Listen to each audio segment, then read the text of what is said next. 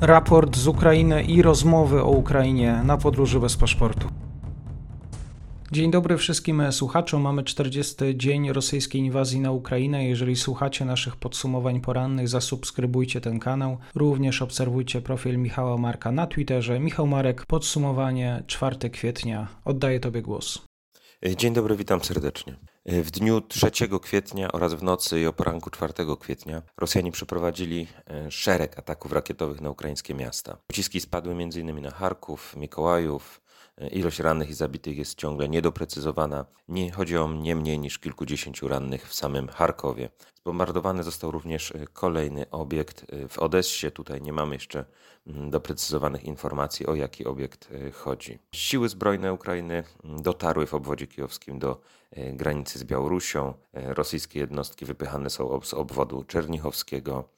Rosjanie wycofują się tak samo z obwodu sumskiego. Na północnym kierunku e, Rosjanie zrezygnowali de facto, być może to jest jednak e, jedynie tymczasowy stan, ale zrezygnowali z prowadzenia działań ofensywnych, opuszczając e, północne obszary Ukrainy. Oczywiście są te, to nie jest tak, że Rosjanie wycofują się i nie, nie dochodzi tutaj do walk. Ukraińcy starają się zadawać im jak największe straty oraz starają się prowadzić na, na tych terenach odzyskanych tutaj działania o charakterze humanitarnym, aby wspomóc mm, ludność lokalną, która tam pozostała. W obwodzie kijowskim w wyzwolonych miejscowościach nadal odnajdywane są dowody, kolejne dowody rosyjskiego barbarzyństwa, strona rosyjska z jednej strony twierdzi, iż e, kadry przedstawiające zabitych cywili e, w Buczy są prowokacją i mistyfikacją Kijowa, z drugiej strony stwierdzają, iż to siły zbrojne Ukrainy odpowiadają za ostrzał, za śmierć tych osób, rzekomo ostrzelały domy cywili przed wkroczeniem do miasta sił zbrojnych Ukrainy. Mm, więc tutaj mamy pewnego rodzaju no, niezbieżność w przekazie rosyjskim. Niestety w obliczu kadrów ukazujących związane, związanych cywili, związane ofiary wśród cywili, czy też e, widoczne są ślady właśnie postrzałów na ciałach mm, tych osób. No, trudno tutaj uznać, że którakolwiek z rosyjskich narracji jest e, czymkolwiek innym niż formą wypierania odpowiedzialności za swoje zbrodnie na cywilach. Warto jeszcze podkreślić, że ukraińscy aktywiści wczoraj zidentyfikowali e, przy tym jednostkę wojskową Sił Zbrojnych Federacji Rosyjskiej, która prawdopodobnie odpowiedzialna jest właśnie za mordy na cywilach w Buczy. Ma to być 64. Samodzielna Brygada Mechanizowana z Chabarowskiego kraju czyli ze wschodu e, Federacji Rosyjskiej. Publikowane są w sieci fotografie żołnierzy mm, z tej jednostki, których dane tak samo stopniowo będą udostępniane w sieci. Na wschód Ukrainy nadal zmierzają rosyjskie oddziały. Ukraiński wywiad informuje o E, przerzucie na wschód e, kraju oddziałów wchodzących w skład 37. Samodzielnej Brygady Powietrzno-Desantowej, która dyslokowana jest w obwodzie kaliningradzkim. Tu Ukraińcy informują, że właśnie Rosjanie nadal przygotowują się w intensywny sposób do przeprowadzenia ofensywy właśnie z wschodniego kierunku. Obecnie Rosjanie prowadzą tak samo działania zbrojne, ofensywne, na, no właśnie wyprowadzane ze wschodu, tutaj na kierunku Sywierodoniecka, miasta Rubiżne, Popasna, Krasnochorivka, czyli tutaj ta sama tendencja co w dniach ubiegłych.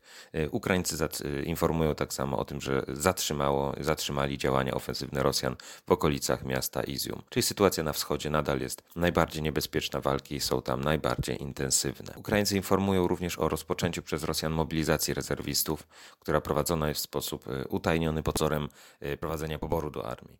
I tutaj Rosjanie mają zakładać, iż uda im się pozyskać około 60 tysięcy rezerwistów. Rosjanie motywowani są przede wszystkim możliwością uzyskania zarobków, dobrych zarobków, no i preferowane są osoby, które mają doświadczenie bojowe. Na kierunku południowym bez zasadniczych zmian nadal trwają walki o Mariupol. Zgodnie z doniesieniami Rosjan, obszar kontrolowany przez Ukrai Ukraińców w tym mieście stopniowo kurczy się. Trudno jednak te dane zweryfikować. Walka trwa. Nadal docierają do nas informacje, nagrania, fotografie wskazujące na aktywny ruch sprzętu rosyjskiego na obszarze Białorusi, szczególnie na południe od miasta Homel.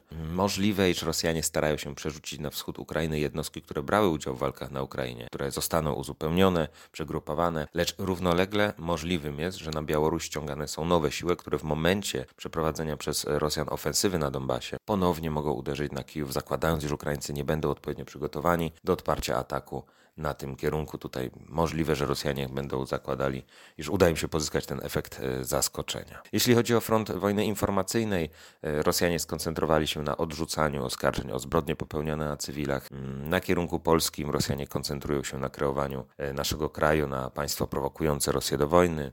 Przekazy odnoszą się m.in. do wypowiedzi Jarosława Kaczyńskiego dla, jednego z dla jednej z niemieckich gazet, w której stwierdził on, iż Polska jest gotowa do dyslokowania na swoim obszarze amerykańskiej broni nuklearnej. No, Rosjanie, wyrywając ten fragment wypowiedzi z kontekstu, stworzyli przekaz o planach Warszawy dotyczących sprowokowania wojny. No, jest to kolejny z elementów kreowania Polski na kraj zagrażający Rosji. Podobnie wcześniej czyniono z Ukrainą. Warto zaznaczyć tutaj jednak, iż mm, w obecnej sytuacji trudno zakładać, aby Rosjanie potrzebowali jakiegokolwiek pretekstu do rozpoczęcia wojny wojny z jakimkolwiek innym państwem. Jeśli, jeśli tylko uznają tego rodzaju działania za rzecz korzystną z punktu widzenia Kremla, to na to się zdecydują i tutaj już w informacyjnym aspekcie wykreowanie, wykreowanie jakiegoś, jakiejś, jakiejś przyczyny bezpośredniej no, nie jest potrzebne. Raczej są to właśnie działania, które mają na celu przede wszystkim konsolidować społeczeństwo rosyjskie wokół tego zagrożenia zewnętrznego.